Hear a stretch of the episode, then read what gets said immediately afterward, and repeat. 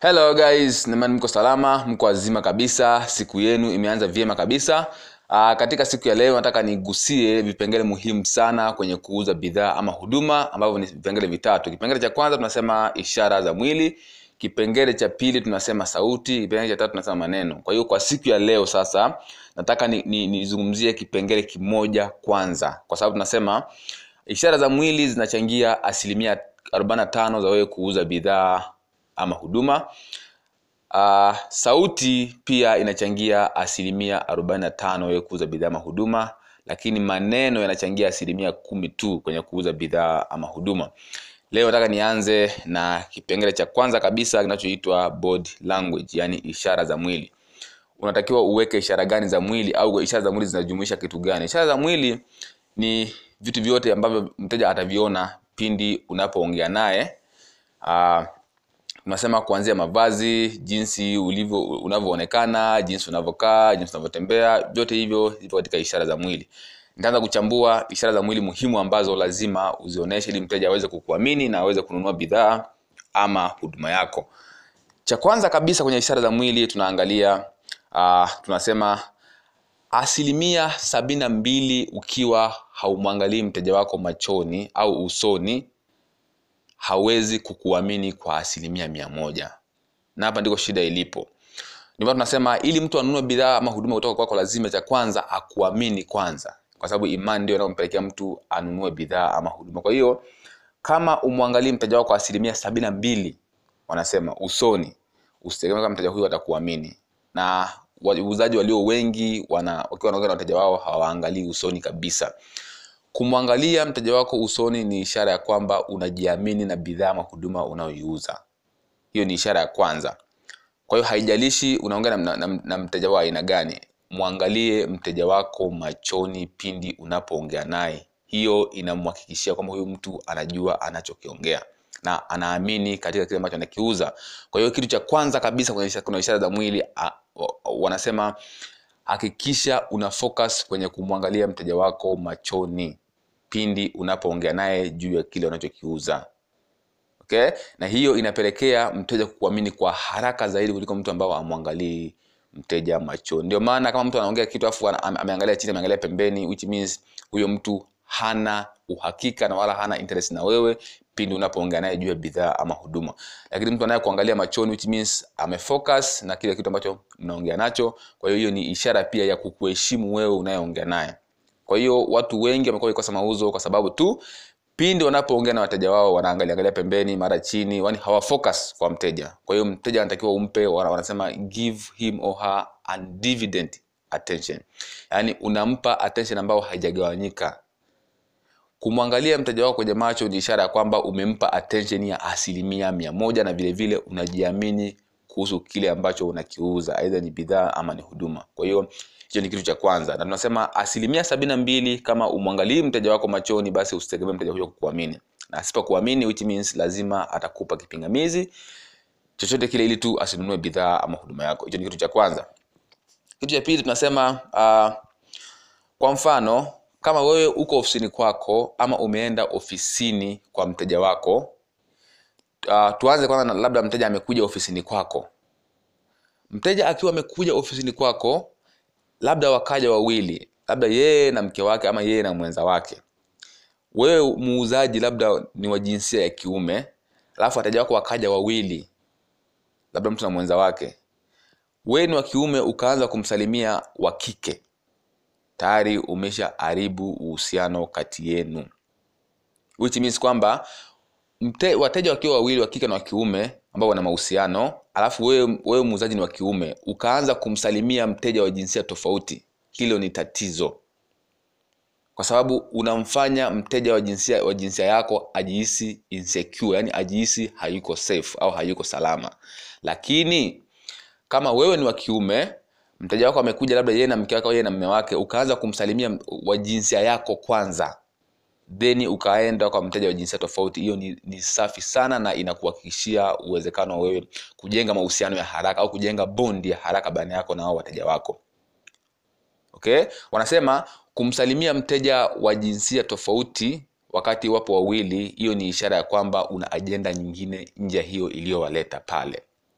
Ndivyo hivyo katika saikolojia ya wateja kwa hiyo unashauriwa kama wewe mteja amekufata ofisini labda amekuja na mke wake au mme wake na wewe ni wa kiume anza kumsalimia mteja wa jinsia yako kwanza kabla hujamsalimia mteja wa jinsia tofauti. Hiyo ni kitu cha kwanza. Na, na hivyo hivyo kama wewe ni wa kike mteja amekuja yeye na mme wake anza kumsalimia kwanza mteja wa jinsia ambayo sawa na ya kwako which means ni wa kike then ndio unafata jinsia tofauti hiyo inajenga kujiamini kwa wateja hao na vile vile unajiweka una, una, una, una, una, pale kama mtaalamu na sio kama mtu ambao hajui anachokifanya. Hiyo ni ishara kubwa sana ya mwili ambayo watu wengi wamekuwa wakienda kinyume na imekuwa ikiwagharimu mauzo mengi sana. Kwa hiyo basi edha ume, umemfata mteja ofisini kwake ama umeenda kwa mteja hakikisha unaanza kuwasalimia kwanza au unaweza kumsalimia kwanza mtu wa jinsia ambayo sawa na ya kwako sio jinsia tofauti kwanza. Then baada ya hapo ndio unamfata mtu wa jinsia tofauti.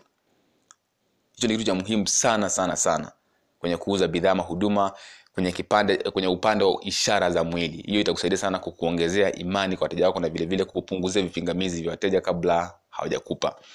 Hiyo ni ishara ya pili. Ishara nyingine tunasema smartness. Smartness the way jinsi uh, wanasema out, uh, wanasema image. Image yako image yako inaweza ikaaffect mauzo yako kwa asilimia kubwa sana. Tunasema uh, uh, unahisi una vipi ukienda kwa dokta ukaona dokta amevaa ame, ame, amevaa labda labda jeans na amevaa t-shirt? Na ukienda kwa dokta ukuta dokta amevaa lile vazi lake jeupe na, na amevaa zile zile za shingoni. Unajisikia unajisikia huru si ndio? Kwa hiyo tunasema kwamba kama upo kwenye professional fulani vaa mavazi yanayoendana na professional yako. Na kama sio professional basi vaa mavazi ambayo mteja hawezi kuhisi chochote kibaya kutoka kwako. Focus ya mteja iwe kwenye bidhaa na sio kwenye mavazi yako. Kwa hiyo unasema unavaa kulingana na, na uasilia wa kile unachokiuza edha ni bidhaa ama ni huduma. Ili mteja anapokuona anapo, anapo wewe akununue wewe kwanza kabla hajainunua bidhaa ama huduma yako. Na vile vile mavazi yanapelekea kwa asilimia kubwa sana kuaminika ama kutoaminika kwa wateja wako.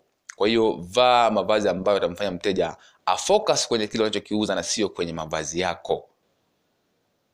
Ndio maana tunasema mnaweza mkawa mnauza bidhaa moja, moja, moja ile ile lakini jinsi ulivyojiweka ukakosa mauzo kwa sababu tu wateja wameshindwa kukuamini kulingana na jinsi ulivyojiweka na jinsi ulivyovaa. Kwa hiyo vaa pendeza kulingana na professional yako uliopo katika biashara yako. Haijalishi ni biashara gani. Kama biashara yako ni, ni ya kawaida basi vaa mavazi ambayo ni ya kiheshima na ya, ambayo hayatamtolea hayata focus mteja katika kile unachokiuza then akaenda kuangalia na kudiscuss wewe.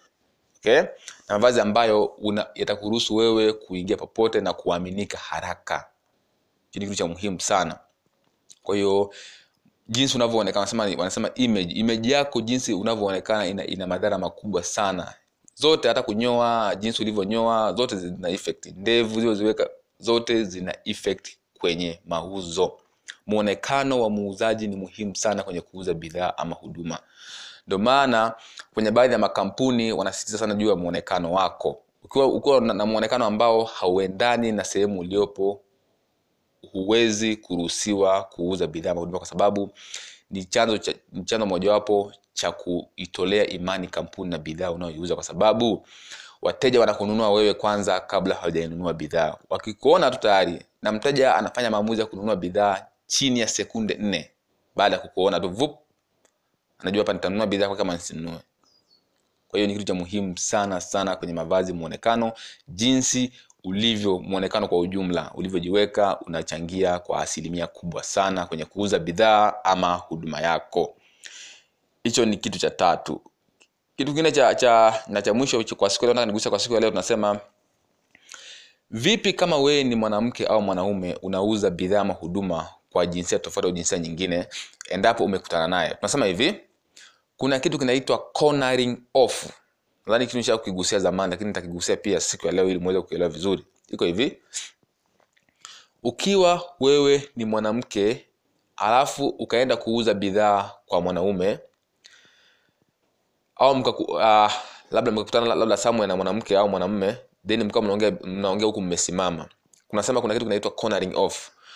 Us, kama wewe ni mwanamke unauza bidhaa kwa mwanamke mwenzako usikae opposite naye. Kaa pembeni yake tunasema ni cornering off okay? Narudia tena kama wewe ni mwanamke unauza bidhaa kwa mwanamke mkiwa mnaongea naye then mmesimama usikae opposite. Yaani usikae mbele yake hivi. Usikae opposite. Kaa pembeni yake. Tunasema una corner off. Corner ni off maana yake unakaa pembeni yake kidogo ili msio opposite. Wanasema kuwa opposite ni ishara ya shari. Au mtu unamfanya mteja wako anajihisi insecure. Hiyo kama unauza bidhaa kwa mtu mwenye jinsia moja kama unauza bidhaa kwa mtu mwenye jinsia tofauti kwa mfano kama wewe ni wa kiume unauza kwa mwanamke unasimama opposite unakaa mbele yake. Ile ina, inamfanya huyu mtu mteja wako ajihisi comfortable kisaikolojia. Katika saikolojia wateja tunasema mtu ajinsia jinsia tofauti akiwa opposite yako unajisikia comfortable na unaku, unakuwa na amani zaidi kuliko mtu wa jinsia ambayo sawa na ya kwako. Kwa hiyo basi kwa summary ni kwamba kama unauza bidhaa kwa, kwa, kwa, kwa mtu wa jinsia moja usikae opposite kaa pembeni yake tunasema cornering off. Kama unauza bidhaa kwa mtu wa jinsia tofauti kaa opposite kaa mbele. Simama mbele yake tunasema simama mbele yake. Unaweza kwa kaa ukasimama mbele yake. Wherever lakini as long as umefuata formula hii inayoitwa cornering off and opposite. Yani unakaa opposite then unakaa pembeni yake kidogo au unasimama pembeni yake. Ijalishi umesimama au umekaa. As long as upo na mteja wa jinsia tofauti au jinsia inayofanana. Kwa hiyo kama mteja wako ni wa jinsia tofauti kaa mbele yake. Yani unasema unakaa opposite au unasema opposite kama ni mteja wa jinsia tof, wa, wa jinsia wa jinsia moja kaa pembeni yake kidogo usikae opposite. Hiyo itakusaidia sana kuongezea mauzo kwa asilimia kubwa sana. Hizi ishara za mwili ndio ishara kubwa. Ziko ishara nyingi lakini nimechukua zile kubwa ambazo zinawakumba zina watu wengi zaidi katika kuuza bidhaa ama huduma kwa hiyo uh, vitu hivi ni muhimu sana. Usivani ni vidogo. Vinagharimu sana kwenye kuuza bidhaa. Ndio tunasema as, ishara za mwili zinachangia asilimia arobaini na tano kwenye kuuza bidhaa ama huduma na sauti nitakuja ku, ku, ku, ku, kuongea uh, siku ijayo au kipindi kichacho kwamba sauti utakuwa ufanye uweke sauti gani pindi unapanga na mteja wako ambayo inachangia kwa asilimia arobaini na tano. Either ni kwenye simu unaongea kwenye simu au unaongea naye face to face. Kwa hiyo na hiyo pia ina effect kwenye mauzo. Kwa hiyo utakuja kujua inakuwaje. Leo nimeanza kwanza na ishara za mwili ili tujue jinsi ya kujiweka na jinsi ya kuwa katika soko hili ili uweze kujiongezea asilimia arobaini na tano za kuiuza bidhaa mahudumu yako. Kwa hiyo kwa siku ya leo chukueni hiyo. Kama kuna swali basi mtauliza. Asanteni sana